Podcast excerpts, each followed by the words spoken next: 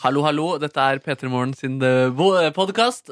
Vi skal snart høre hele sendingen. Og etter det kommer det et lite bonusspor med produsent Kåre Snipsøyr og meg, som heter Markus. Ronny er på en idé... idé, idé. Du glemte å si dato. idémesse. Uh, utvikling av noe greier. Og datoen er 9. mars 2015. 2016. Du kommer deg, Kåre. Neste gang så kommer du til å sitte. Ja,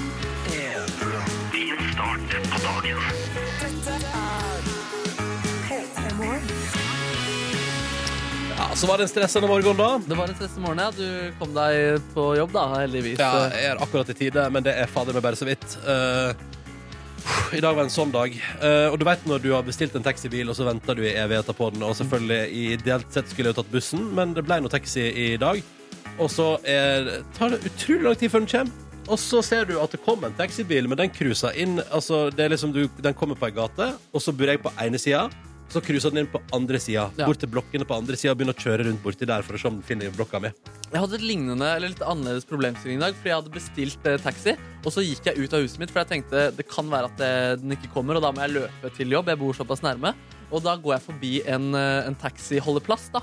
Og da har jeg bestilt eh, en taxi for fem minutter siden, men jeg hadde ikke fått noen melding om at den skulle komme. eller noen ting Og sånn, så ser jeg bare det står to ledige taxier der. Og jeg har aldri sett en så enorm ledighet på taxi noensinne. Det bare kom en ledig taxi fra den ene vinkelen fra den andre. da Og den meldingen kom aldri inn. Det var liksom som om eh, Nei, jeg vet ikke, men det var i hvert fall eh, Det kan ikke ha vært godt å ha vært den veien da som ble påkjørt av alle disse Og det var såpass trafikk på ja, ja, det var Men så er mye ikke det taxi. typisk? Det er sykt typisk. Det er alltid sånn at Hvis jeg bestiller en taxi, så kommer det en ledig taxi cruisende forbi rett etterpå. Ja, men det var det jeg lurte på sånn i dag, da, som jeg er usikker på. Hva er egentlig regelen eh, for når man kan eh, ta, ta en av de nye taxiene som er så ledige? da? Er det noen sånn der femminutters eller timinutters eller 15-minutters regel? Jeg har lurt på det i dag, faktisk. Ja. Uh, og min tanke er at du kan jo egentlig ikke det, for du har jo bestilt en bil. Ja. Og jeg har selv opplevd at det liksom har blitt uh, Jeg brukte en app en periode som tok imot bestillinga mi, men som gjerne en og annen gang så kom den dobbelt. Å ja. Så da satte jeg meg i én taxi, og så tar det et par minutter, og så ringer en annen taxi, og er rasende forbanna. Og det er kjipt, da. Ja, det er vondt, og så bare 'Hvorfor er ikke du her?' Jeg bare, ja, men jeg, jeg trodde jeg tok ut. Ja, jeg skjønner ingenting. Så eh, det kommer an på hvor hardt du vil bli skjelt ut, eh, Markus. Ja, det som skjedde her da var at Jeg spurte en av de ledige taxisjåførene som så at jeg var en fyr som antageligvis ventet på en taxi, Ja. um, om eh, hva er egentlig regelen der. Og så sa han bare 'Kom hit! Sett deg her! Dette, Ja. Det er ledig taxi.'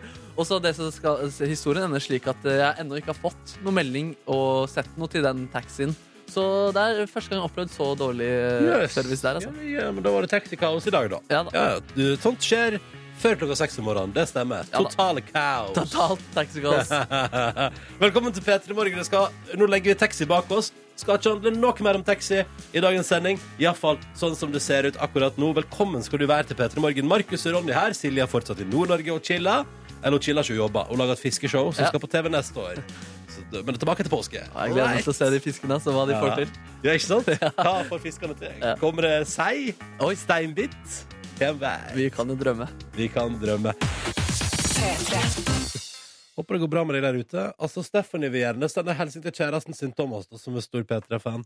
For de har treårsjubileum i dag. Oh ja, så da hører hun sannsynligvis på også, da? Ja, jeg regner med at begge to kan kjøre på, da. Ja, søren. Så god morgen til både Thomas og Steffen. Det var hyggelig melding eh, i innboksen. P3 til 1987. Ja, Gi hverandre et lite nuss nå. Alle andre som også er med sin eh, kjæreste, enten personen sover eller er våken ved siden av deg, jeg teller til tre, og på altså, Og på, og på fire. Én, to, tre, og så kjøre, ikke sant? Altså kyss. Ja. Ja, ok. En, to, tre. Å, det var koselig, da! Ja, tenk, ja, det er gøy. Jeg håper ingen ble slått til i reaksjon fra for eksempel en sovende person. Å nei, det håper virkelig ikke jeg Nei, heller. at, det liksom er så, at refleksen er sånn Hva er det du driver med? Ja. Men det gikk sannsynligvis bra. og hvis sin kjæreste, på en måte levende vesen rundt den, var, en, var et dyr eller bikkje, eh, så håper jeg heller ikke det ble vekt fra sin søvn. Fordi da må jo kanskje den ut på do, og da må, det krever jo mer av deg også. Ja, ikke sant? At det er sånn du skulle bare gi vofsen et lite nuss, og så plutselig du ut på tur. Ja, det er utrolig irriterende. Ja, tabbe, ass. Det var fordelen min, fordi jeg hadde det, to bulldogger før. Og det, de er jo kjent for, for å være liksom eh, Ja, ikke så fysisk eh, heldige bikkjer, da. Ja. Um, så hvis jeg vekket de, så var det ikke nødvendigvis en eh, eh, Det, var tur. ikke, det var ikke behov. Nei, og den ene bikkja ville vil jo ikke gå på tur. Det var jo kjempetrist, egentlig. Det var derfor vi måtte, den måtte dø, dø etter hvert også. Uh, men, uh, men da vet dere det, alle sammen. Men klina du med Dag der inne? Jeg gjorde faktisk det, ass. Ja, du gjorde det, Ja, ja? det var, ja. Og de, de bulldogene de har jo sånn uh, gigantiske lepper som henger over liksom underleppa. Så du bare tok det tak bare ga, ga alt du hadde? Jeg skal ikke si at jeg åpna de og på en måte slikka litt under leppa. Det, der, der var jeg ikke. Men det jeg syns var veldig godt, da, er å, å, å kjenne under leppa der. Det er litt sånn vått det det er kanskje Dette er litt Jeg vet ikke. Nei, dette var, altså, Å få høre et innblikk i ditt liv, Markus, og din oppriktighet, det Ja. syns jeg var vakkert. Ja, jeg, er bulldogger. jeg følger en Instagram-profil som legger ut nydelige bulldog-bilder hver eneste dag. Og det gir meg faktisk veldig mye varme og glede. Jeg, jeg ser for meg, Det høres ut som du kommer til å bli en bulldogeier en dag. Igjen. Jeg tenker over det, men jeg, jeg, jeg vet ikke. Ikke nå, Markus. Du har et for travelt liv. Da kan du aldri reise på rocketurné, vet du, for da må du ha med Daugen, eller noen må passe deg. Det vil du ikke. Men fins det noe mer rockete enn en eh, bulldog? Nei, Nei, det det, gjør ikke det. Nei. Dette er P3 Morgen. Vi gjerne hører fra deg også i dag. Hvordan går det egentlig? P3 til 1987. Og så må vi si til Jens i Arendal, som pleier å høre på på det tidspunktet her, fastlytter, Ja. Eh, at eh, du, vi, I går pratet vi om at, eh, at du hadde drømt om Markus på et kjøkken i natt til i går. Og så tøyser vi med at ja, det hadde vært gøy å gjenskape. Nå vil vi bare si at nå ligger videoen eh, av drømmen til Jens på Facebook-sida vår. Facebook kom eh, P3 Morgen. Vi la den ut i går kveld. Ja. Og der eh, drømmen til Jens gikk ut på at du, Markus, romsterte på et kjøkken Ja. eh, mens du lagde billyder i bare overkropp. Stemmer, stemmer. Ja. Så hvis det er noe du har lyst til å se på på morgenen nå, så er altså det akkurat det du får. Ja. Kan jeg bare si en, en ting om de, der, eh, emo, de nye emoticonene til eh, Facebook?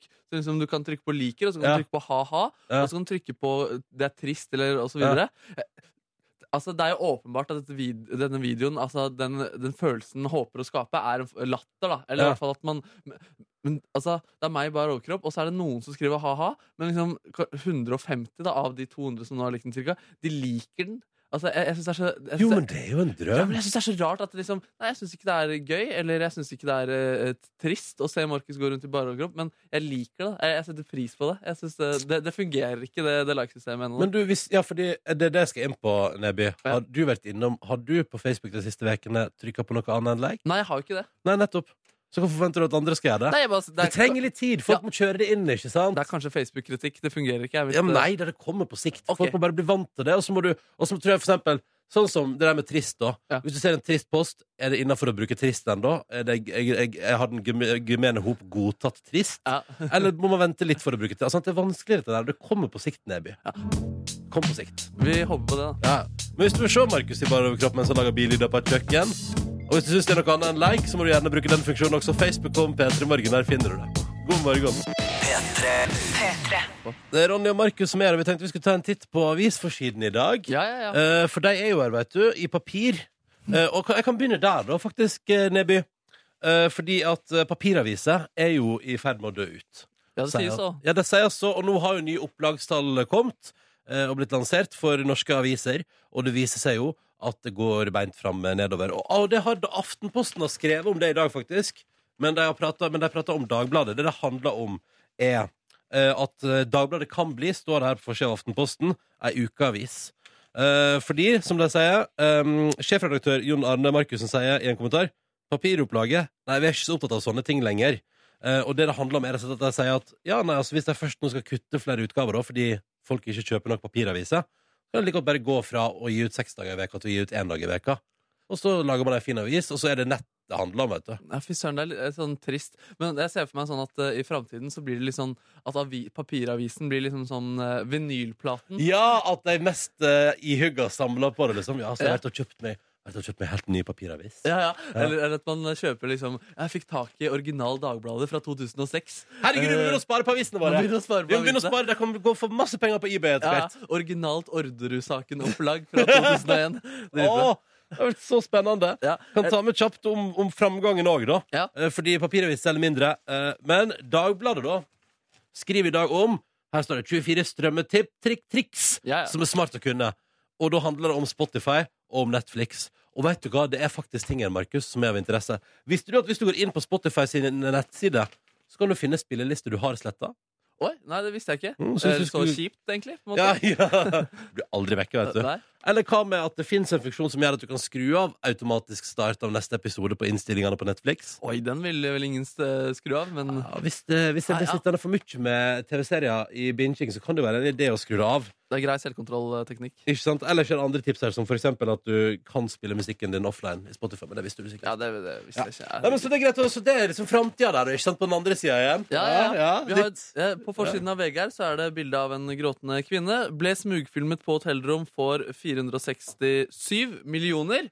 Hvor masse Eh, sa du? 467 millioner. Vi har jo tidligere pratet om dette litt med angst om eh, nakenbilder på internett. Og Ja, det hadde vært eh, forferdelig. ja, Ja. og hun har altså opplevd det. Erin Andrews, som da ble, er en eh, kommentator og sportskommentator og programleder for eh, Skal vi danse, vært det i hvert fall.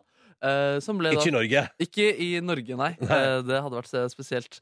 Um, så, som da altså, har blitt smugfilmet av en stalker-dude. Uh, På et hotellrom. på et hotellrom. Og da, der også da erstatningssummen skal da deles av han og de som eier dette hotellet. Så det blir jo en litt sånn tung økonomisk framtid. Men akk så fortjent, da. Ja, Enig, Ja. Men det er jo kjipt når du er stalker. Og det er altså den flotte videoen, for eksempel, og at du har smugfilma noen. Ja.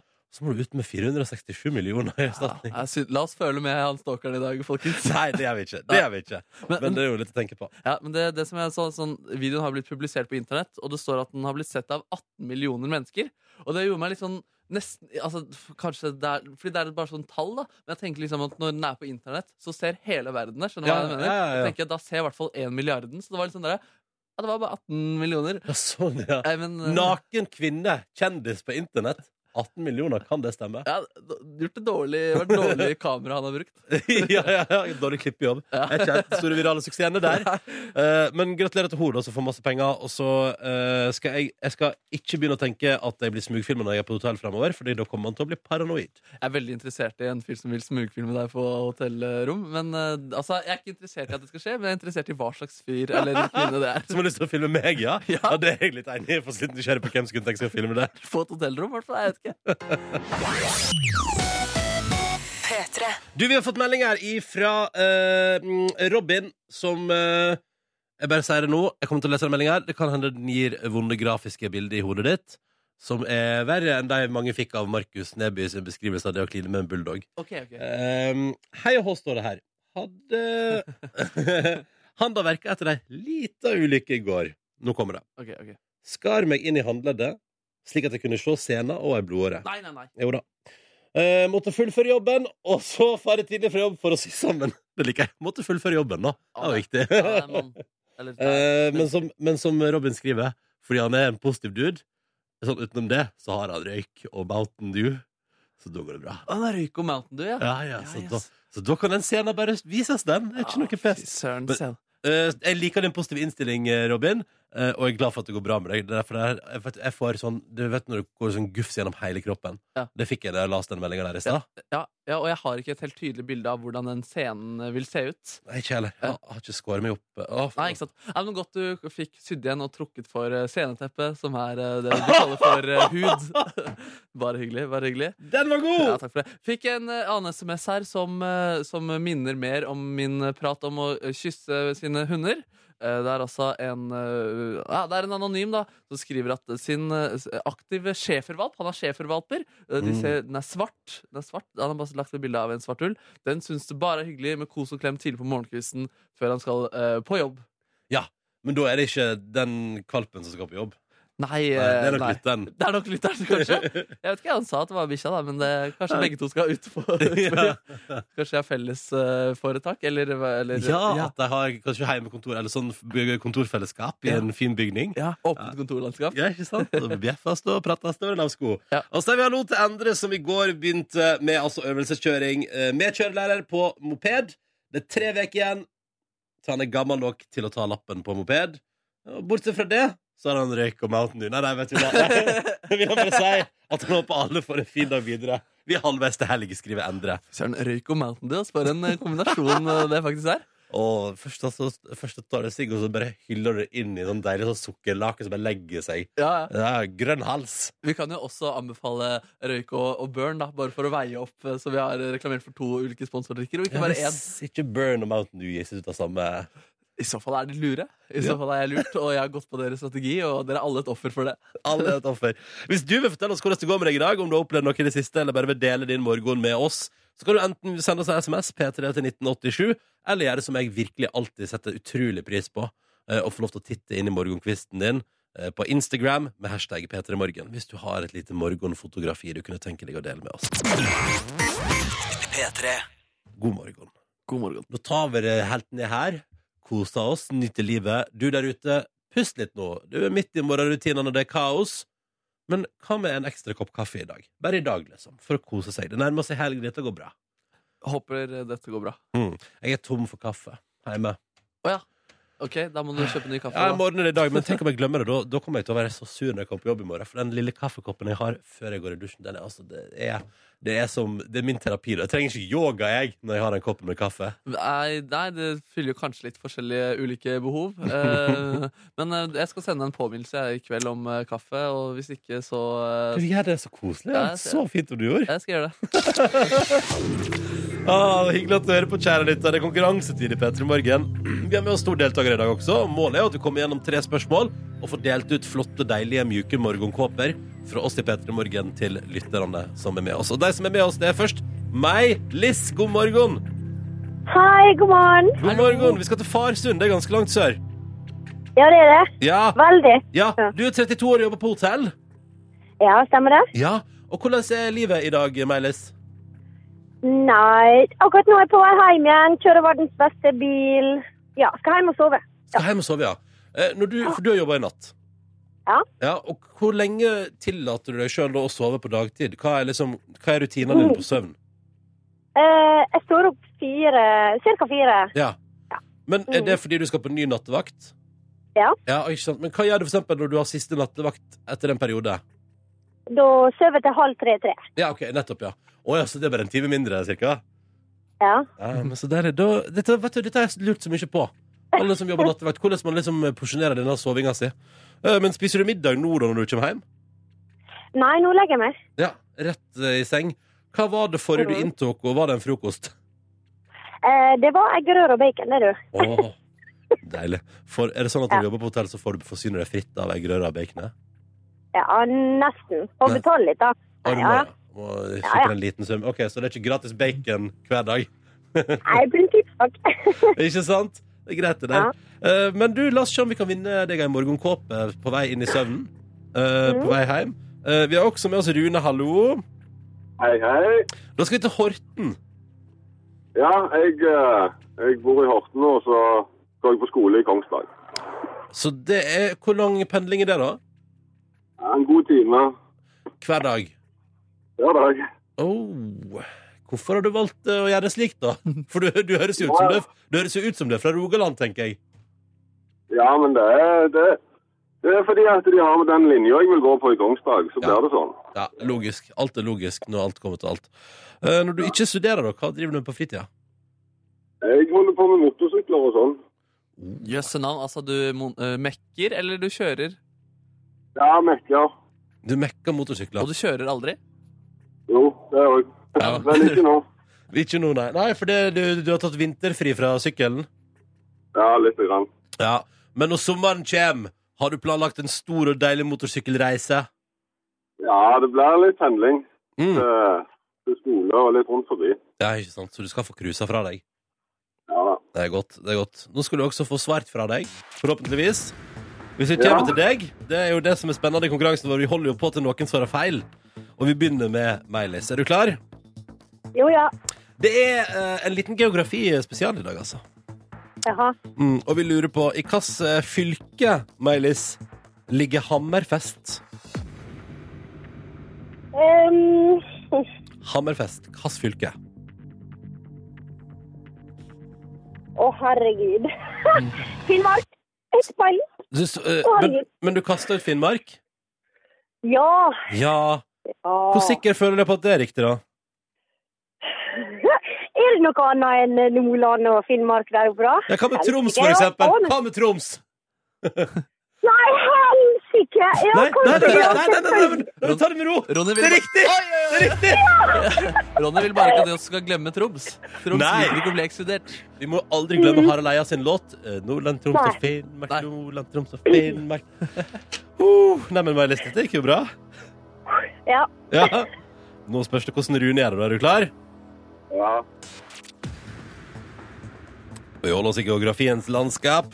I hva slags fylke, Rune, ligger Røros? Røros. Å, herregud. Uh, faen ligger det henne? Du har en nittendedels sjanse på riktig svar her. Og vi må ha et svar nå. Gi ut et fylke. Nei, jeg sier, Tre. Trøndelag. Kast. Trøndelag. Ja, men kast Trøndelag. Uh, Nord-Trøndelag. Oh, den er synd! Det ligger Sør-Trøndelag. Ai, ai, ai, ai, ai, ai. Prøvde å helgardere med Trøndelag der. Ja, men Trøndelag er ikke godkjent, ass, for det er to fylker. Ja, det er streng. Ja, men sånn, det er reglene, vet du. Ja, det er. Rules. Nei, nei, nei. Nei, men ikke, ikke bli sint nå, Ikke bli til Rune. Carl fra Mot i brøstet med en eneste gang. Åh, Rune og Meilis, tusen takk for at dere deltok. Begge to veldig hyggelig å prate med dere, men det gikk dessverre ikke veien i dag. Uh, Meilis, god søvn. Rune, god tur til studiet hver dag. Og takk for at dere var med, begge to. Ha det bra. Tusen takk, ha det bra. Ha det bra. Uh, Uh, ja, det var geografi spesielt. Det er spennende med geografi, ass. Ja, Hadde du følt deg selvsikker på fylkesorienterte spørsmål? Du, disse, begge disse to hadde jeg klart, tror jeg. Ja, ja. ja, ja. Du hadde ja. klart Sør-Trøndelag og ikke Nord-Trøndelag? Ja, liksom? men jeg har vært på Røros, vet du. Vært på Røros, Mm, Kosen ja. meg på Røros. Ja. Og da blir man brått sikrere på hvor det ligger når man har vært der. Så ta deg en tur i Norge hvis du er usikker på geografien. All right, vi går videre. Eh, Nå skal vi få svar på et av livets eh, store spørsmål, tenkte jeg. Eh, Det er TV 2 som gir oss denne saken. Overskriften er som følger. Derfor elsker menn å sitte med hånda ned i buksa. Eh, er, er du en sånn fyr, Ronny? Som, Ja, men Hva mener du med hånda ned i buksa? Al- altså hånda ned i buksa? Altså at du I lomma, liksom? Nei, at, du- at nedi buksa. Altså, Altså, ja, rundt eh, kronjuvelene, på en måte. Ja, ja. eh, altså eh, men tenk, det, Vet du hva, det, det blir usikker. Gjør jeg det? ja, jeg ser ikke for meg det, så det må du gjerne bekrefte. Jeg eller er, avkrefte. jeg er jo glad i lomme. Jeg liker å putte hendene mine inn i lomme. Ok, Så da går du for lommen. Og så indirekte derfra. Ikke, du må eh, Indirekte derfra. Ja, det, var, det er i hvert fall saken sier da Er at eh, den har lagd en eh, liste med, med litt forskning og litt uh, synsing. Og det første er fra kroppsspråk, uh, kroppsspråkforfatter Vanessa Van Edward, som sier at uh, du kan se på hånda som en forsikring mot en venn som kanskje gir dem et spark i ballene, eller et barn som ved et uhell sparker en ball mot dem. Så det liksom, du, du har hånden der også underbevisst for å beskytte deg mot oh, ja. angrep da, på det viktigste verktøyet du har. Handa trekker mot eh, kronjuvelene, for å bruke ditt uttrykk, da, her Ja. i stad, eh, for å beskytte deg. Absolutt. Ja, ja, En evig beskyttelsesmekanisme. Ja. Underbevisstheten velger å prioritere underlivet framfor f.eks. hjertet eller, eh, eller hodet. da. Ja, ikke sant? Også Et annet punkt er at det rett og slett får dem til å slappe av. Det Mm. er jo kanskje det argumentet vi bruker. Det får deg til å slappe av. på en måte. Eh, Men det er, dette er altså forskning som har vist. Her viser det til at det er et eh, psykologitids, eh, et fagblad som har uh, funnet ut at, at når du tar deg på ballene, eller, eller rundt omkring, egentlig på andre steder på kroppen også, så kan du velge et annet sted på kroppen, så uh, så, så, så utløser du et hormon som gjør at du faktisk uh, slapper av. da Åh! Ja, mm. Så neste gang jeg vil skikkelig slappe av, så bare tar jeg meg på ballene? Ja. ja. Hvis, hvis du ikke visste det fra før. men, men det står jo også at man kan, som jeg prøvde å si litt vinglete der, at du kan, si, du kan stryke deg på andre steder også og Ja. ha den samme effekten. Mm. Uh, ja. Men uh, også et annet her. Det får dem til å føle seg mektige. Ja. Å, møte en rival mens han har hånden godt under beltestedet, kan vitne om at han helt, om han bevisst eller ubevisst forsøker å vise hvem som er sjefen. Eh, skriver da TV 2 her. Ja. Og det er da en eh, lege som Det står ikke at det er forskning, men det er en lege som eh, hevder det. da Ja, ja riktig. Ja. Dette er vel mer, mer interessant. Det blir mer og mer interessant. Og punkt tre, som er det siste og mest logiske, kanskje, eh, den holder Det hjelper jo å holde underlivet varmt. Og eh, hvis du da eksempel er kald, da, så er ikke den den eh, ideelle temperaturen for testiklene for å kunne produsere sæd. Eh, Nettopp. nettopp. Så, så hvis, eh, ja, hvis man er kald, så kan det være at også underbevisstheten hjelper eh, hendene ned for å få opp varmen der nede. Varme ballene litt. Og så kan du formere deg i ypperste kvalitet deretter. da. Mm. Men, men hvordan, du spurte meg om Ja. jeg driver Hvordan er ditt forhold til det der? Mitt første minne av liksom, hånd i bukse er da jeg spilte fotball eh, på, eh, en del på Løkka. Så, så så jeg alle de liksom, store guttene som var gode og skjøt hardt og var kule. og sånn De gikk alltid liksom, rundt med hånda nedi uh, sportsbokseren sin, eller, eller shortsen. da det var liksom litt sånn der, man, man liksom fleksa litt på en måte ved å være så laidback og bare klø seg litt på ja, ja, det var, det var eh, Det er Men, kanskje litt spesielt. men du, da? det skjer av og til at jeg, jeg Mm. kobler av på den måten der. Ikke sant? Når du skal slappe av, altså du går for slappe av-biten. Jeg går for slappe av-biten, ja. Ja. Og det er gjerne kombinert med noe annet. Det er ikke sånn at jeg setter av tid kun for å gjøre det, for eksempel. Nei, nettopp. Men se på, hvis du ser på TV, så eh, ligger han da godt plassert. Av og til. Nettopp, nettopp. Ja, men det er greit. Da har vi lært noe i dag også. Så tar jeg med meg inn i onsdagen og sier sånn Visste du at, kan jeg si til folk. Visste du at Carpe Diem, hus, hotell, slott brenner på NRK P3, og vi sender en liten omtanke, varm tanke til eh, de som eh, ikke fikk oppleve Carpe Diem i Sogndal på søndag fordi det gikk over styr i Bergen på lørdag. Ja, det var altså en mann som da crew som ville lage litt ekstra stemning, og fyrte av et uh, brannslukkingsapparat, som endte med at uh, ting måtte erstattes rundt eh, 15-20 millioner. Um, på, Insta på Facebook så har Carpe Diem lagt ut en uh, fin melding mest, om hendelsen. Den mest likte kommentaren på dette bildet er en referanse til denne låta, som heter Hus, hotell, slott brenner.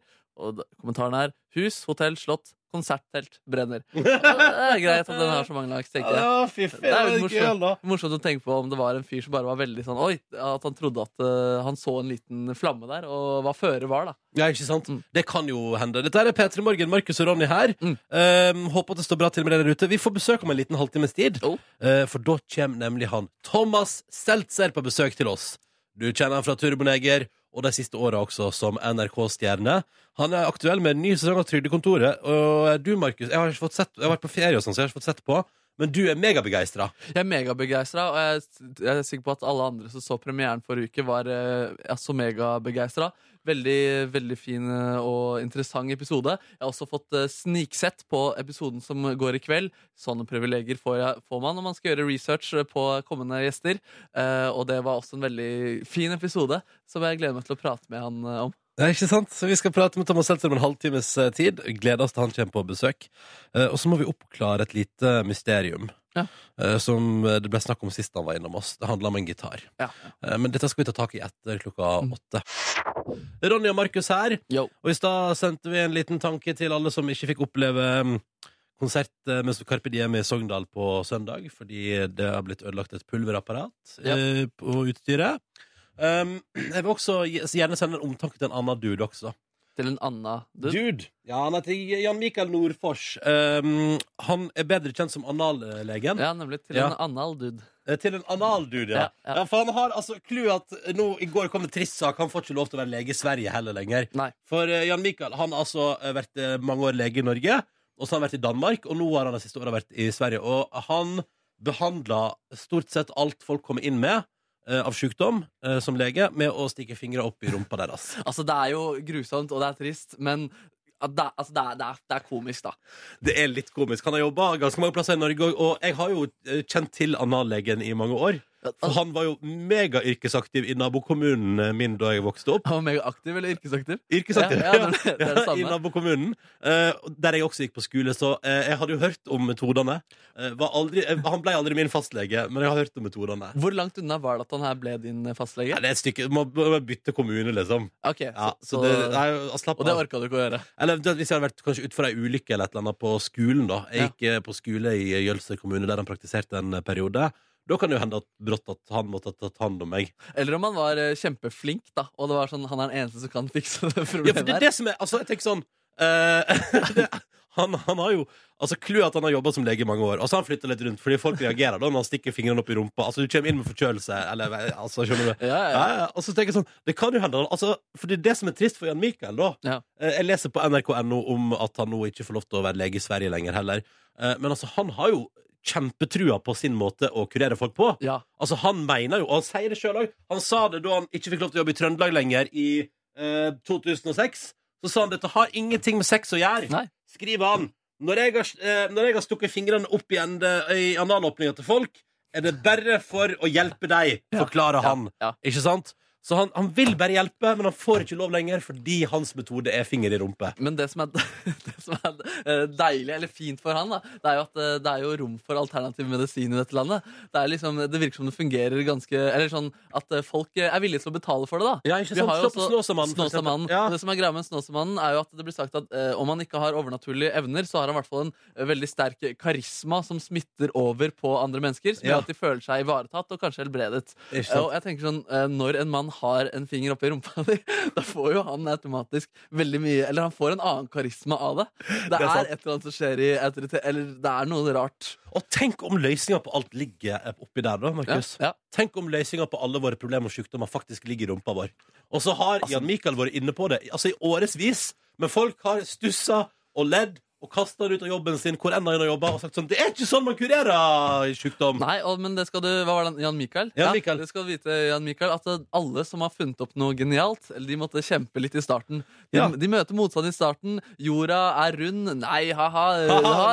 Ja. Ja. Kanskje, du, men, altså, kanskje du skal starte den alternative medisinen, men eh, så da vet alle hva de går til, og du vet også at uh, de er forberedt på å få denne fingeren din Ja, godt inn i For da er det ingen overraskelse. Nei. Da er det ikke sånn inn til hel eh, regulær helsesjekk, og så får du finger i rumpa. Da er det sånn Nå går jeg til anallegen, da skal jeg få eh, finger i rumpa. Og så vet man det, og da er det ingen sjokk.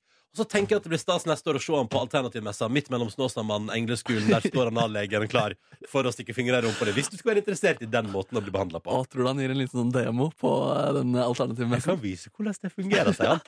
En liten smakebit. Ja, ikke sant? Dette er P3 Morgen.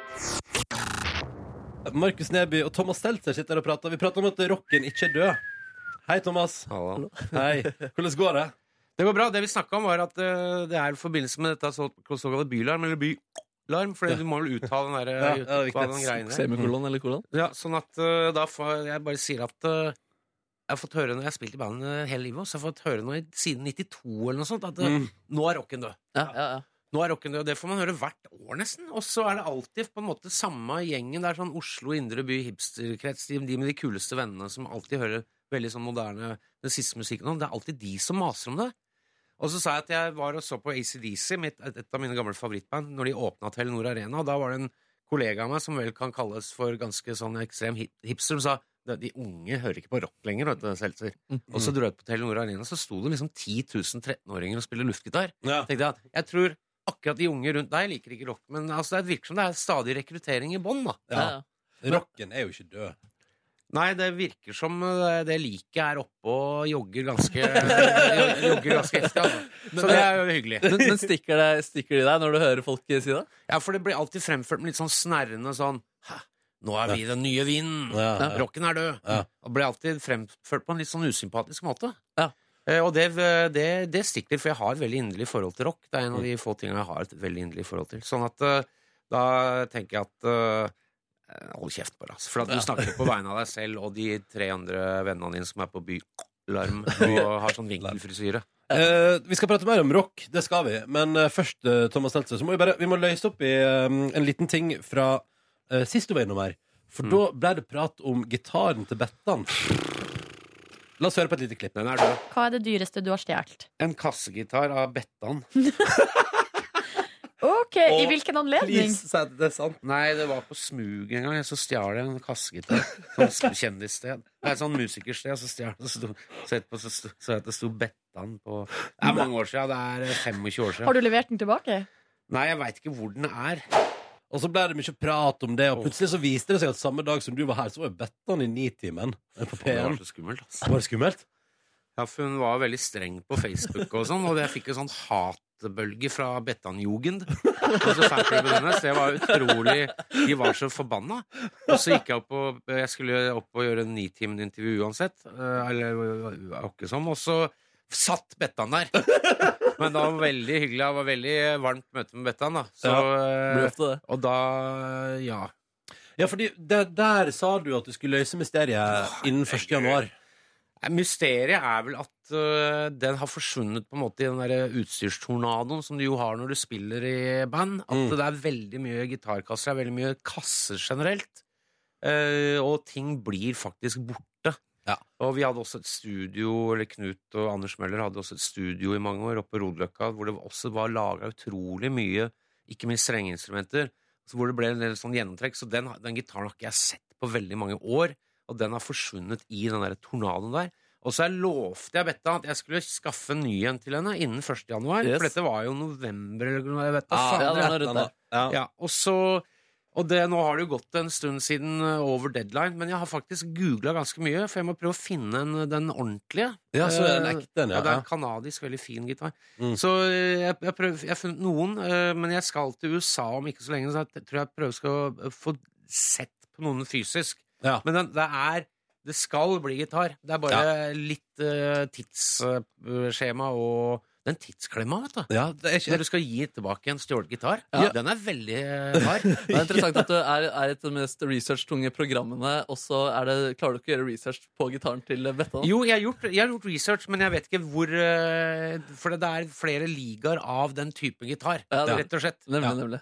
Det, ok, uh, Thomas, uh, apropos tidsklemma. Du driver jo og sjonglerer både trygdekontor og turboneger for tida. Mm. Eh, og er både i gang med ny sesong av Trygdekontoret og uh, hardt på turneringa med turboneger. Vi skal prate om begge deler straks i P3 Morgen.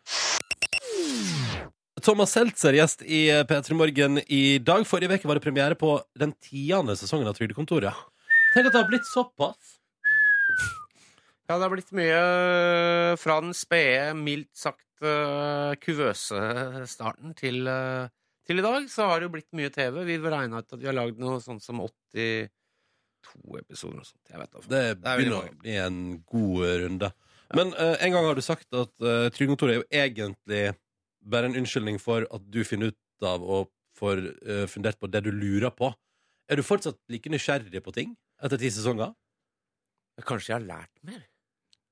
Kanskje jeg har lært mer? Kanskje jeg er ferdig lært snart? Oi, Nei, det er jo øh, Ja, så det, Man tenker jo hver sesong Nå er det egentlig ikke så mye mer å snakke om. Ja. Men så dukker det jaggu meg opp nye ting. Mm. Og så er det også ting man har snakka om før, som man må snakke om på nytt.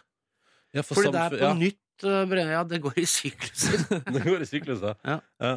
Men uh, hva er det du har vært uh, ekstra nysgjerrig på denne her sesongen? Nei, altså, vi har uh, vært Som sagt så var vi litt preget av det vi åpna med, nemlig terror. Det Mm. var jo veldig sånn øh, brennaktuell Altså, hva er det det egentlig er? Er det krig, eller er det noe annet? Mm. Um, og hvordan, uh, hvordan er det funker? Hva er, hva er funksjonen til terror?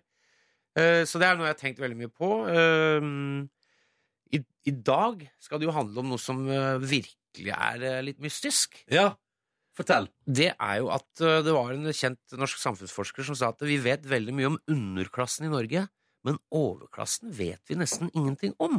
Mm. Og det trigga en nysgjerrighet hos meg. Uh, hvem er de? Uh, Norge er jo et veldig egalitært samfunn, som det heter. Altså veldig, det er jo et likhetssamfunn, uh, i hvert fall relativt sett i forhold til veldig mange andre steder. Mm. Kanskje et av de likeste i verden, om ikke det likeste. Um, men vi har allikevel en overklasse. Og hvem er de? Hva, er det, hva slags folk er de? Altså, hva, hva vil det si å være Hvordan føles det å være rik? De tinga der var jeg veldig nysgjerrig på. og Da samla vi sammen en gjeng med rikfolk. Både de som hadde tjent pengene sine selv, og det man da kaller gamle penger. Altså folk Ja. som har arva penger som har gått uh, i generasjoner. Mm. Det kan du se på NRK i, i kveld. Det blir spennende. Mm. I tillegg til at du er i gang med den tiende sesongen av Trygdekontoret, så er du ute og turnerer med Turboneger. Skal på finlandsbåt i morgen. Vi skal på Finlandsbåten. Det er eh, en årlig greie som et eh, svensk eh, blad som heter Close Up har. Hvor de, eh, de lager sånn hardrock-cruise ute i Østersjøen. Og det har vi spilt på før, og det er veldig hardt. Altså, den Finlandsbåten Det får danskebåten til å se ut som uh, den der sommerbåten til NRK. Jeg vet ikke om det er noen god sammenligning, for det jo, der går det jo hardt for altså. seg også bak kulissene. Men ja. Det er, det er jo Det er jo en, Den derre svensk-finske kulturen er jo ganske hard, spesielt på drikkinga. ja. Så det er jo ja, Det er hard, hardt krus, men veldig kult. Veldig kule band. Vi spiller her sammen med øh, Med Kvelertak er og Graveyard. Altså to utrolig bra andre nordiske band. Men hvor stor er den båten? Jeg blir nysgjerrig. liksom altså, er det, er det, Fordi danskebåten, da ser jeg liksom for meg det lille diskoteket der det er sånn at folk sitter rundt, og så er det bitte lita scene. Altså, hvordan er liksom Ja, det er litt, det er, selve finlandsbåten er en koloss. Okay, ja. Og litt sånn bare det han er så svær, og så gjør den enda kjipere. Men, øh, den er, øh, men det, er en, det er en sånn disko, slags sånn uh, showsal, da, som vi Mm. har. ja. Så, men du, du merker at du er på en båt. Det gynger og sånn. Så det er litt øh, Det er jo en litt spesiell opplevelse. Mm. Og så er det liksom noen tusen sånne utrolig øh, glade hardrockere. Så ja. Ja, hvor mange er det dere skal spille for der? Jeg veit ikke. Det er vel kanskje noen tusen. Det er, øh, så det er masse folk. Det er liksom hele båten er hardrockere, da. Ja, Kjipt å være den ene familien som bare skal på en sånn Ja, det-. Det tror jeg Det er ikke så gøy. Nei, nei, nei, nei. Men uh, hvordan er turnélivet for Turboneger nå versus da bandet var helt nytt? Nei, eller sånn eh, på, Vi turnerte mye på 2000-tallet. Da var det sånn at man kunne bli borte i seks uker av gangen. Da. Um, men nå er det jo Så etter hvert så har det blitt eh, familie og jobb og sånn. eh, sånn at vi kan liksom kanskje maks fem ut, Kanskje maks en uke, liksom. Så vi skal en sånn kort uke til USA etter hvert i, i juni. Men det som er at festivalsesongen i gamle dager, så begynte den i, begynnelsen, nei, i midten av juni, og så slutta den i midten av august. Men nå begynner den jo Altså, vi spilte på en festival i Holland for et par uker siden. Så den begynner jo liksom i februar, og så slutter den i eh, november, kanskje. Eh, Og etter det er det julebord. etter det så er det julebordsesongen. Eh, og da Nå spiller ikke vi noe særlig events, det er det mange andre band som gjør, men eh, um, Sånn at uh, live-livet er jo veldig prega av litt sånne stykkevis og delt. Da Man er ute og farter og spille på sånne festivaler Ja. omkring. Og folk er alltid keen på fest hele året rundt, egentlig. Uh, Ja, vet så... hva, Det vi skal gjøre nå, er at vi skal straks bli bedre kjent uh, med deg, Thomas. Mm. Uh, men aller først nå så skal vi altså høre på den nyeste singelen til Hot for Nietzsche. Ja. Og så skal vi se for oss mens vi hører på den, at den blir framført live foran tusenvis av eh, gale fans på en båt mellom Sverige og eh, Nei, jo, men det er Sverige og Det er, fra, det er fra Stockholm til Turku. Ja, ikke sant? Og så ser vi for oss det, og så er det Turboneger. Eh, Thomas Seltzer er på besøk hos oss i P3 Morgen. Ti sesonger har det blitt av Trygdekontoret. Du jobber jo med, Dere er jo en liten gjeng som er hardtarbeidende for å lage det programmet. Mm. Og du har folk rundt deg der som du har jobba med kjempelenge. Så vi har eh, gjort vår research her i P3 Morgen og sjekka med deg og fått noen påstander om deg, eh, Thomas. Det du skal gjette på, er om den påstanden vi kommer med nå, om gjengen din har sagt det om deg, eller om det er bare tøys. Er du klar for det? Ja. Thomas er ut faktisk utrolig romantisk og elsker å overraske kjæresten med blomster. Har Det, gjengen men din det er sånn typisk sånn de, den, øh, det er Det må bare sies at det er iskalde folk jeg jobber med. Det er iskalde. Det er kanskje Det er veldig smarte folk, men de er iskalde. Um, så vet du hva? Jeg sier ja, det har de sagt. De har ikke sagt det. Nei, ok. Det ble lurt. Men de kunne, for jeg- de kunne sagt det ironisk. Ja, sånn Så er det. det, Ja, ja, det er vanskelig. Men jeg er jo en romantisk fyr, så det Ja. Det er sant. Jeg liker du å overraske med blomster. Ja, med andre ting. Med Ja. andre former for blomster. Ja. Ja. Mm. Thomas har bare en svart venn. Har gjengen din sagt det? Det har de sikkert sagt, ja. Stemmer det? Eh, nei. Nei, det stemmer ikke. Ok, men ja, de har sagt det i hvert fall. Ja, men det er, så det er altså, Jeg ser allerede konturene at vi er inne i et slags bakvendtland her. Så All right, vi Ja, fortsetter. Vi fortsetter. Vi skal til TV-serien uh, P3-serien Skam. Og har gjengen din sagt at du hater karakteren William i Skam? ja, det har de sagt. Det har de sagt. Ja. Det, det har de sagt. Har du et forhold til TV-serien Skam? Jeg elsker det. Ja. Jeg elsker det. Og du hater karakteren eh, William i Skam? Jeg hater Men jeg syns øh, Ja, jeg, det er en neve, en såkalt nevemagnet. Men er det, er det skuespilleren, eller er det karakteren? Nei, Det er jo karakteren. Ok, greit. Jeg er såpass voksen. Ja, ja. Thomas blir fortsatt litt starstruck av å møte Dan Børge Akerø i kantina. Nei, det har ikke gjengen din sagt, faktisk. Nei, ok, Men da øh, Vet du, det er noen parametere her innafor uh, Ja, ok, fortsett. Ja, vi fortsetter, greit, det er greit. Men Thomas han sniker seg inn på NRK i helgene og leker eh, Anne Lindmo. Det gjorde vi nå i helga som var. Og de gjorde det? med stedatteren min og en venninne av henne og Molly, vår lille hund, så var, var vi på tur i NRK for å titte, for det er alltid gøy å se på kostymelager og sånn. Mm. Og så var, sto hele Lindmo-rigget oppe. Så da lekte, da lekte vi Lindmo. Nei, så gøy! Det var veldig gøy. Det er lørdagsunderholdningen sin på NRK. ass. Ja, for det er helt tomt der, vet du. Ja. Det er jo offentlig sektor, så det er jo ingen på jobb på lørdag. nei. Det er bare, da, Det på var lørdag kan du gå ganske-. Ja. Blir det lørdagstradisjon? Kanskje. Det var veldig gøy. Ja, Ja. Så moro. Vi går til neste Da påstand var her. med Molly, hunden vår, var gjest. Så det var veldig, var veldig kult. Hva var aktualiteten? Nei, Hun kom med, lagd en ny øh, Sluppet en ny bæsj. Så Brennaktuell med en ny bæsj.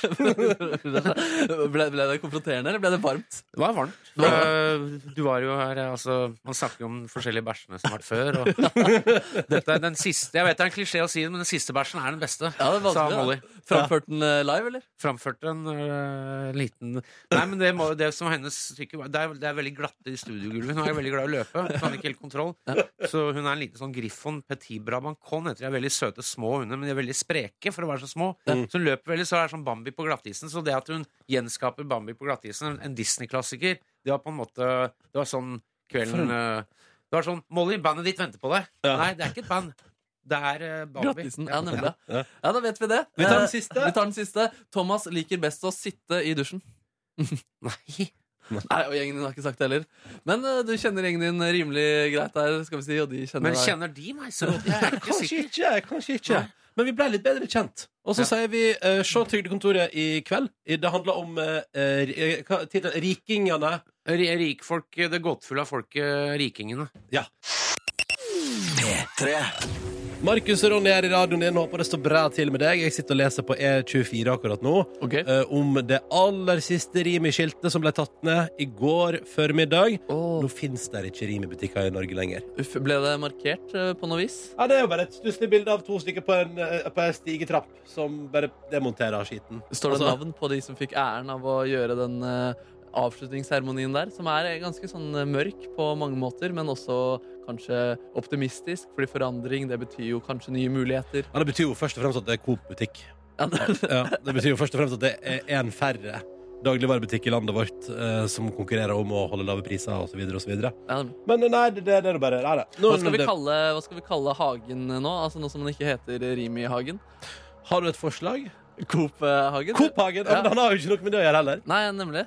Kamberhagen. bare Hagen? Kan vi bare Ha, der blei du bare Hagen, gitt. Ja. Eh, og Rema Reitan sitter sikkert og jubler. Woo! Jeg er den eneste med butikknavn. Det er sikkert, Ja. Han er veldig stolt av det. Ja, for det er ingen sånn Coop na-na-na. Det fins ikke en Coop na-na-na. Eh, Den personen burde i så fall uh, melde seg til uh, media. Eh, melde seg- Ja, du bør si ifra, du som har ønske om å få Coop foran etternavnet ditt. Ja. Det er altså nå ingen som har det, og noen burde claime det. Dette er P3 Morgen. Det skal på ingen måte handle om butikknavn uh, framover.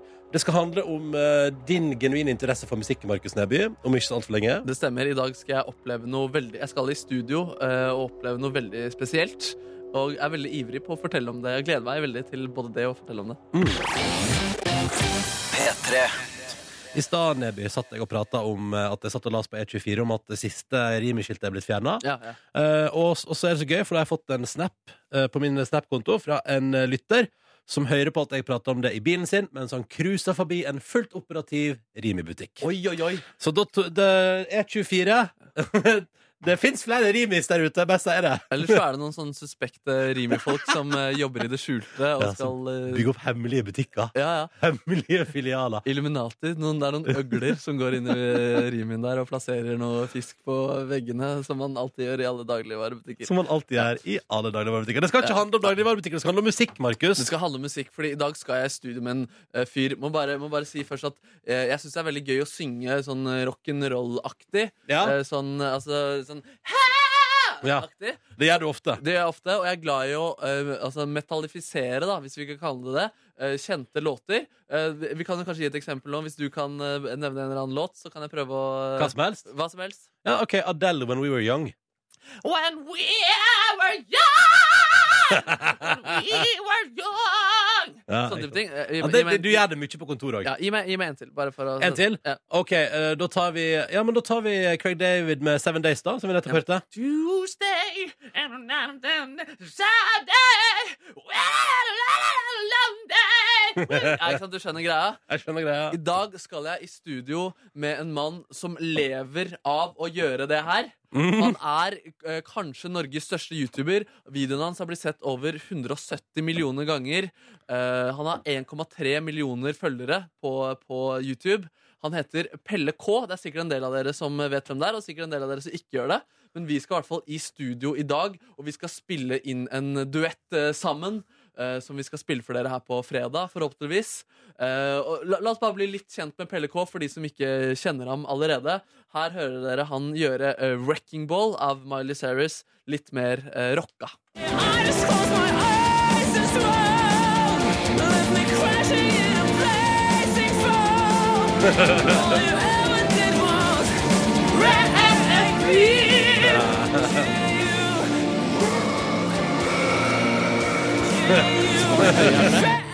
Hæ? Ja, du, skjønner, du skjønner greia, ikke sant? Jeg skjønner definitivt greia. Litt på en liten smakebit til. Her er det 'Rolling in the Deep' med Adele, som jeg også akkurat covret eh, for øvrig.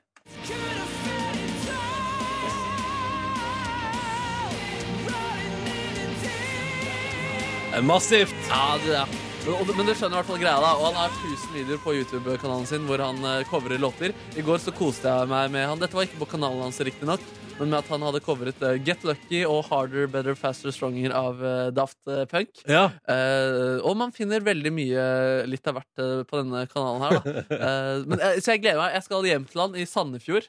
Og vi skal rett og slett eh, spille inn en eh, veldig kjent eh, låt som jeg ikke vil avsløre hvilken er. Nei, det må ikke du gjøre. Nei, nei, nei. Han er så spent! Hva kan det være? Ja, jeg blir veldig uh, jeg, jeg, jeg gleder meg. Håper, håper stemmen min holder. Håper den ikke blir ruskete i kveld og ikke kommer til å være på sitt beste. Vi krysser fingrene for at dette blir magisk. Jeg gleder meg til å høre resultatet på fredag. Ja. ja det blir spennende. Vil du spille ett klipp til av PLK? Ja, hvis uh, vi kan godt gjøre det. Ja,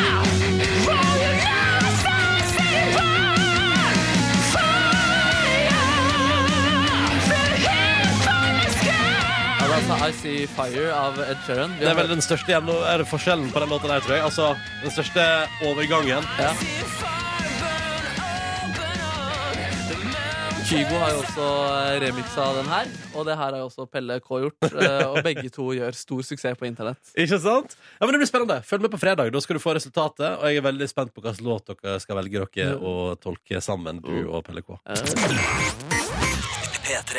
Eller er det bolognese i går, Markus? Du, Det overrasker meg ikke et eh, sekund. Du har blitt en gourmetkokk eh, med tanke på at du også i går disket opp med en luksuriøs eller i forgårs da, luksuriøs gulrotkake. Suppe. Suppe, suppe, mener jeg Suppe og kake er to forskjellige ting. Ja, det er ikke så lett å skille er alltid. sunt, og det andre usunt. Ja da, jeg vet ikke helt, jeg. Ja, ja, ja. Eh, Men eh, var det en grundig bolognese, eller? Ja, det var nydelig. Det var altså Jeg eh, kjørte noe chili og noe hvitløk i pannen. Kjørte oppi kjøttet, jeg bruna den. Heiv oppi masse gulrot og løk og stangselleri. Lot det frese litt. Heiv på to bokser med tomathakka. Eh, og så krydra jeg det med både timian og eh, rosmarin og saltpepper og litt grann sukker, og vips, så ble det nydelig mat. Du, er en, du har blitt en god kokk. Eller du blir bedre og bedre, i hvert fall. Ja, på bolognese, ja. Ja. Resten får jeg jo ikke til. Gulrotsuppe, da. Ja, ja. Eller fikk- du fikk kanskje ikke det det Helt til. grei, helt grei. Det er greit, det er Eh, så det blir spennende å se. Hva spiste du i går? Um, jeg, spiste, jeg, jeg spiste Grandiosa i går. Jeg hadde lyst på Grandiosa i går. Hva jeg- type gikk det for? Jeg gikk for den vanlige. Jeg syns den er eh, Kjedelig. Jeg liker pepperoni. Jeg. er, jeg er egentlig enig, men Ja. jeg hadde lyst på den i går. Men jeg gikk på en bolognese-blemme for så vidt da, eh, for noen dager siden. Hva da? Nei, Jeg skulle lage, ta meg skikkelig god tid og lage en ordentlig god bolognese. Og så tok jeg opp i chorizo, for jeg tenkte det kunne være deilig. Deilig Mm. chorizo-pølse. Det er litt sånn baconlandskapet. Ja, Men den tok eh, så ekstremt mye s s og den tok over smaken. den tok over smaken. Okkuperte smaken. Absolutt. Smell. Det, det var rett og slett en eh, smell, og det smalt i mitt eh, hjerte også. Uff, det var vondt. Jeg vurderte jo bacon i går òg, men tenkte sånn, vet du hva? Gidder ikke. Velkommen til podkast bonusspor. Dette har ikke gått på radioen. Dette er kun for deg som har lasta ned et bonussporet, eventuelt eh, hele podkasten med kjas etterpå. Eh, Kåre er her, god dag. God dag. Og jeg er her. Ehm, ja, jeg har prata litt om min gårsdag på min eh, sending. Vil du dra oss gjennom din? Du- Kanskje du egentlig burde gjort denne rollen min? min? Ja, men du, du tok den så eh, Du tok den så Jeg var så kjapp. eh, imp impulsivt, ja. Ja, ja. Mm. Eh, jo, i går så gikk jeg ifra jobb og På IKEA? eh, nei. ikke Møbelhus i går? Nei, nei, nei, nei. I går gikk jeg på en eh, lokal eh, solbrillebutikk. Oi. Eh, fordi jeg var jo i USA, eh, og eh, i eh, en litt sånn stressa dag i USA, i San Francisco, så klarte jeg å legge igjen solbrillene mine, et par Ray-Bans, på en trikkestopp.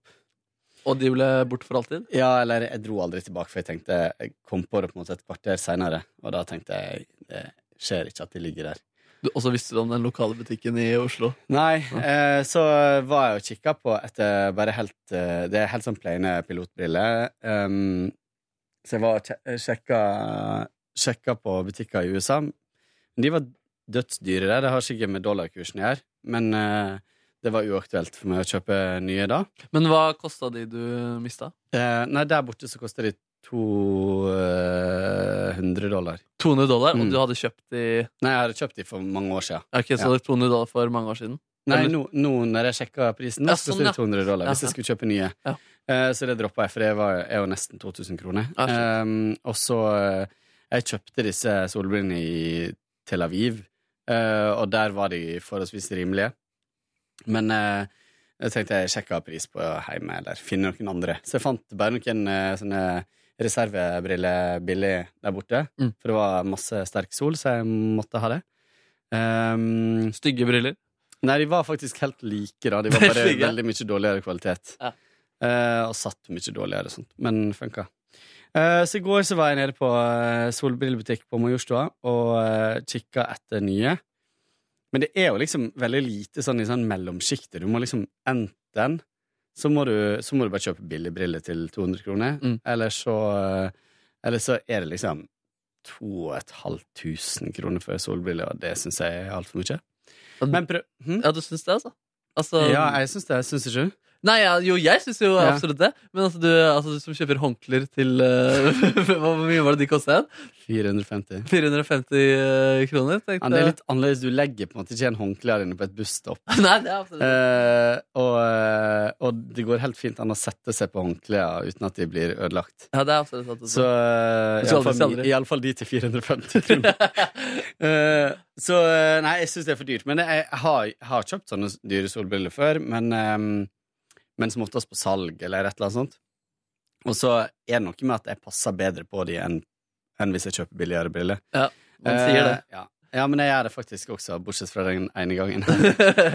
som den siste opplevelsen. Um, eh, men jeg, jeg kikka litt på solbriller, fant noen jeg likte, men de var altfor dyre. Så får jeg se hva tida bringer. Jeg kanskje sparer litt. Og, Ja, du har litt å styre med det. ja, ja, Men litt. eh, du vurderer ikke å kjøpe noe brukt eller eh, noe på internett? Jo, eller? jeg var faktisk på Finn i går og så etter disse Ray-Bans-brillene, og det lå masse ute. Mm. Til sånn 500 kroner og sånt. Brukte, men sikkert pent brukte sånt. Sendte noen meldinger, men jeg fikk lite svar på de foreløpig. Så jeg får se om jeg. Men jeg har ingenting imot å kjøpe brukte briller. Men så kom jeg på jeg har faktisk et par eh, litt fancy Tom Ford-briller som eh, som jeg bare ikke er fornøyd med glassa i. Ja. Og så når jeg var på brillebutikken i går, så s- kikka jeg på et par briller, og så sa jeg men jeg syns det er for lyst glass i de. Så jeg, men det kan vi bytte ut. Så jeg, å ja, men kan dere bytte ut glassa i noen jeg allerede har? Ja, ja, har ingen problem. Og det koster ikke så mye, da. Sånn, Så jeg vurderer nettopp å For jeg hater når du kan se fra utsida, kan se øynene gjennom glasset. Da mister hele poenget med solbriller. Ja, jeg vil, jo, jeg vil jo kunne stirre uten at folk vet at jeg stirrer på dem. ja, ja. Så derfor så eh, lurer jeg på meg Så jeg har de faktisk med meg her i dag. Det er for øvrig, Dere lytterne ser jo ikke det, men det er veldig rart av og til å se på Kåre, hvor han står midt i, midt i rommet, og så ser han en helt annen retning, men vi vet, og så har han på seg solbriller, men vi vet at han egentlig sitter og stirrer på oss som sitter der. Det er fordi at jeg har sånn, sånne sidespeil på Ja. skuldrene. Ja. Eh, Man fikk i Donald. ja. Eh, ja. Så dro jeg derifra, dro, uh, dro hjem, Uh, lå på sofaen og var sånn klart, måtte ikke sove Jeg var egentlig drittrøtt, klarte ikke å sove, bare lukka, liksom. Og så um, eh, så jeg litt på House of Cards, eh, og tenkte at jeg burde sove, men var ikke trøtt. Ja, det er kjipt. Eh, og så um, sto jeg opp, lagde meg um, noe sånn um, Jeg hadde kjøpt noen sånn ørretfileter som jeg stekte i ovnen. Hva var klokken da du begynte å lage disse ørretfiletene? Seks. Å, den var seks, ja. Mm. ja, ja. Eh, og så eh, tok jeg de i sånne små tortillalefser med eh, med litt salat og litt uh, tzatziki og sånt. Det var veldig godt. En ta supergodt. gresk eh, Ja, taco-variant? gresk tacovariant med fisk. Ja, ja. Det var faktisk veldig, veldig godt. Jeg har meldt min skepsis til eh, fisk i tacovarianter før. Mm. eh, fordi jeg syns det fjerner poenget med tacoopplevelsen. Men så prøvde jeg en fisketaco for eh, ja, fem-seks uker siden, og den, den falt i smak. Altså. Mm. Så jeg skjønner Jeg har skjønt det. Ja, men Det var jo veldig lite som minner om taco, annet enn måten Ja, ja. du spiste de på, og at de lå i en sånn tacolefse. Eh, men jeg skjønner litt greia hvis du tenker liksom taco med salsa og sånne ting. Ja, det er, Men, uh, men jeg har jo absolutt spist god fish-taco her og der. Men eh, ja. Så så jeg videre på uh, Så jeg videre på House of Cards. Så faktisk ferdig hele sesongen. Og min anmeldelse er at um, uten å røpe noe, så syns jeg at uh, uh, den sesongen her er veldig bra. Den er veldig mørk. Mørkere enn tidligere. Men mot slutten så drar det seg til i litt sånn litt for drøyt. ok, ok, ok. At det er liksom Ja, den, den mister den, den går fra å være at man tenker Shit, er det sånn? Er det sånn det fungerer i politikken, liksom? Ja. Til helt sånn Nei, det her blir, det her Nei, det er blir kjipt. for Det er kjipt. Ja, det er kjipt med, jeg, for jeg gleder meg til å kose meg med de episodene. Og det er, det er umulig å ikke få med seg Altså ikke begynne å spekulere om hva som skjer, eller få noe inntrykk av noen ting. Det er sånn, I dag gikk jeg forbi en eller annen avis, jeg lurer på om det var Aftenposten, som har anmeldelse av serien, og så er det bilde av Claire, da, hun Mm. kona Underwood, med liksom knyttneven i været. Og det er sånn Og her har det skjedd mye i sesong tre, og så Ja. er det enda mer i sesong fire, tydeligvis. Mm. Det er sånn ah, shit, så Ja, og hun er irriterende. absolutt hovedkarakteren i sesong fire. Ja, ikke sant. Eh, så eh, Nei eh, mm, jeg, Men den er absolutt under, underholdende, men nå var det digg å bli ferdig. Ja. Og så la jeg meg faktisk klokka kanskje halv ti, og det tror jeg er nøkkelen For jeg sov kjempegodt i natt. Jeg tror det er nøkkelen til å, til å eh, komme inn i rytma igjen for min del. da. At du legger deg så tidlig? At jeg legger meg så tidlig at ikke jeg blir stressa av at oi, shit, nå skal jeg opp igjen om fem timer, liksom. Ja, det poenget kan se. Um, så jeg skal i hvert fall prøve det for en periode nå, pluss at jeg må komme i gang med treninga igjen. Mm. Være litt sånn utslitt når man legger seg, er jo alltid gull. Ja. Så um, Det er bra, da. mm. Noe mer du vil trekke fram? eh, Ikke her. Nei, altså, jeg har egentlig gjorde ikke så veldig mye spesielt i går. Jeg så på denne Trygdekontoret-episoden, som eh, hvis du hører på podkasten 9. mars før den har blitt sendt, så kan du jo eh, benke deg foran den. Det var underholdende. De prater om, eh, om penger, da. Det er gøy med Idar Vollvik som sitter der og har prata om Ja, altså han, prat, eller, han har jo mista så mange milliarder kroner og sier i introen ja, nå har jeg 2500 kroner på kontoen. Og han forteller noen historier rundt det her. Og eh, Hvor mye hadde han på konto? 2500 kroner. Shit. Og eh, for noen år siden han 2,5 milliarder. Uh, så det er jo ikke så behagelig, det. Det er gøy å bare Tenk høre at han. krona er blitt så svak. Det er krona blitt så svak. altså. Og så var det gøy å høre om en, en sånn eh, fyr som er ofte på Dagsnytt 18. og er sånn høyre uh, Høyremann, tror han skriver for uh, Minerva eller et eller annet sånn type ting. Uh, veldig, veldig kul. Og han, fortalt, han viser fram slektstreet sitt, og hvordan han har havnet inn i masse penger. da Og det viser at eh, både foreldrene Eller foreldrene hans da, de, er, de, de stammer fra den samme rikdommen. Altså, så de er rett og slett i slekt. da Ja. Så det var veldig gøy å se hvor mange konkurser det var på veien, men at den ene siden allikevel klarte det, og så møttes de, og så fikk han, da. Det var ikke noe sånn insensiøst eller uh, uregelgreier over det. det var noe sånn, men han er femmenning da, med moren sin, Ja. kunne han uh, fortelle. Og det er jo litt sånn Det høres jo litt eh, ikke så nice ut. Det høres ikke helt sunt ut, men det er jo, det er jo ganske vanlig i Norge, som er et såpass lite land. Ja, ikke sant. Og så så jeg på en uh, serie som nå har blitt tilgjengelig i Norge, som de viser på NRK3 på tirsdagskvelder, og så ligger på nettspilleren de tre første episodene. Uh, Mr. Robot. Har du fått med den serien? Nei, jeg har lest om den, men ikke sett den. Ja, liksom, det har vært vanskelig å få vite hvordan man skulle se den i Norge. Uh, ja, Man kunne vel kjøpe den på iTunes eller et eller annet sånt. Men nå ligger den, ligger den ute i nettspilleren? ja, Ja. eller de tre første episodene, da. Mm. Eh, mens den går nå da på NRK3 på tirsdagskvelden, tror jeg Mm. det er. Um, så jeg koser meg med det. Syns det er eh, liksom helt uh, fint. Eh, deilig å se på. Jeg blir engasjert av det og syns det er en uh, kul hovedkarakter. Eller ikke så veldig sånn kul og karismatisk, men en interessant hovedkarakter. Eh, spennende historie rundt der. Jeg Spiste en Grandiosa. Slet fryktelig med å sovne i går, jeg også, selv om jeg var eh, veldig trøtt. Mm. Um, jeg, jeg, jeg lurer på om jeg ikke klarte å Jeg lurer på om jeg faktisk var tissa liksom, klokka ett, faktisk. Så så jeg på klokka Og da hadde jeg prøvd å sove i en eh, liten stund der. Men, men, men sånn blir det noen ganger. Jeg føler meg egentlig i ganske grei form i dag og kommer sikkert til å klare å sovne ganske bra uh, i dag. Og ja, ja. Mm. Så jeg kunne pusle med litt sånn ulike ting. SMS-a litt med han Pelle K, da, som jeg skal møte i dag. Eh, om hvordan vi skal løse den sangen vi skal eh, spille sammen. Mm. Um, jo, fikk også i går eh, jeg, om jeg, skal si, jeg kan si det til bonus, eh, bonuslytterne. Det jeg gjorde de to ukene etter jeg var på turneen, på jobb Da var jeg på jobb, jeg hadde hjemmekontor, men jeg var på jobb. Men da skrev jeg et P3 underlag, altså musikk som vi prater oppå, basert på den melodien her, som du kjenner, for Kringkastingsorkesteret. Eh, veldig stort å få gjøre det, og så har jeg blitt veiledet av en dude som er en arrangør, da, fast arrangør, og spiller i Kringkastingsorkesteret, som er helt vanvittig, vanvittig flink. Eh, han som dirigerte fredspriskonserten eh, hvor han her da arrangerte, omtalte han blant annet som verdens beste arrangør, uansett besetning, uansett sjanger. Eh, og jeg har jo ikke arrangert noe for et så stort orkester før, og har lærte veldig mye da i løpet av de to ukene, og gjorde masse feil. Og det er et arr som er gjort sammen med han, så han er liksom hans, Det er ikke jeg som er et geni og har gjort det her 100% alene, liksom. Men um, i går så, så ble, ble, ble, ble det sluttstilt, da. Og notene ble liksom printa ut. Uh, og jeg fikk høre høre ferdig ja, Jeg hadde hørt det ganske lenge, den ideen og sånne type ting. Men i går så um, Så hadde han gjort en siste sånn lite endring på det jeg hadde sendt han på fredag. Noen endringer der Og høre det endelig ferdig greiene. Og det var kjempegøy å høre. Og om en uke, i dag, så skal, eh, så skal altså spilles inn med Kringkastingsorkesteret, og det blir eh, ganske så skummelt eh, og veldig spennende. Jeg gleder meg sjukt til å høre. Ja, du kan jo kanskje høre det. Jeg kan jo sende deg den kanskje Ja. Hvis den er ferdig, så vil jeg gjerne høre Ja, det er ikke Nei, det er jo ikke med de igjen. Nei.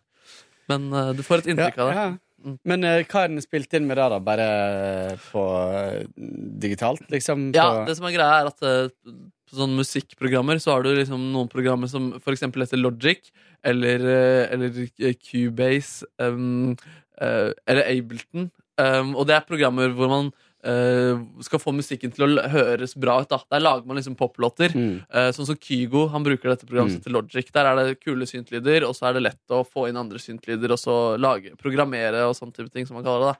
Um, mens når man skriver for andre instrumenter, orkester, så er det ikke så viktig at uh, det høres så bra ut på, i dataprogrammet. Da er det mer viktig at du får notene til å se bra ut, yeah. og at det er veldig sånn oversiktlig der. Så jeg brukte et sånn noteringsprogram. Eh, Jeg brukte et program som heter Sibelius. Eh, han bruker et annet som heter eh, Finale. Så det var den siste versjonen hvor han så gjennom feil og sånn, som jeg fikk i går. da Og finalevarianten hans eh, Eller finale så låter det bedre enn i Sibelius, men det låter fortsatt eh, som datamaskin. da Mm. Men man får liksom et inntrykk av det. Så kan man, eh, men det er, det er mer som et verktøy enn at man skal kunne nyte eh, lydene som kommer fra det. Mm. Nei, Så det var gøy. Eh, jeg er supersulten. Skal vi si at det var eh, det for i dag? Ja. Ja. Vi svarer på spørsmål uh, i morgen, da. Ja, for vi, ja, vi skal ha teipegreier i morgen også. Ja, Hvis vi får tid, da. Eh, det blir litt sånn den veka her, så blir det litt sånn uh, til og fra med bonusspor.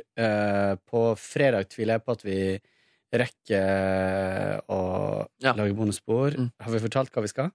Uh, vi har i hvert fall fortalt at vi teiper mandag og tirsdag. Ja. Mm. Vi skal til Paris Vi skal til Paris. på fredag. Uff. Det blir veldig veldig spennende. Vi skal på eh, Radio Days Mm.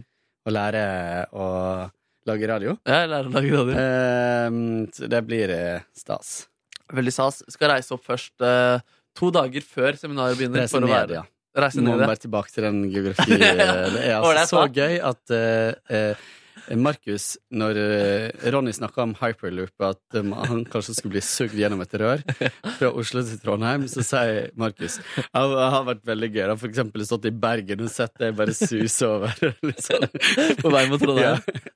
Det, er ikke, det er sikkert ikke perfekt utvikla. Man må ta noen skrå omveier og så videre. Da, tenker jeg. Men eh, da skal vi altså fly nedover på fredag, Mm. og så skal vi ha litt fri frem til søndag. Da begynner vi på seminar, eller på konferanse der. Da begynner alvoret. Da begynner alvoret. Mm. Så det blir, eh, det blir gøy. Og det kommer jo sikkert til å komme en del Gøy gøye historier ut av den turen. Det håper vi Mm. definitivt på, som vi kan dele med dere. Mm. Og vi deles mer i morgen. Så takk for at du hørte på. Eh, We love you. Love you, guys. Love you, guys. Ha det bra. Ha det bra. Hør flere podkaster på nrk.no podkast.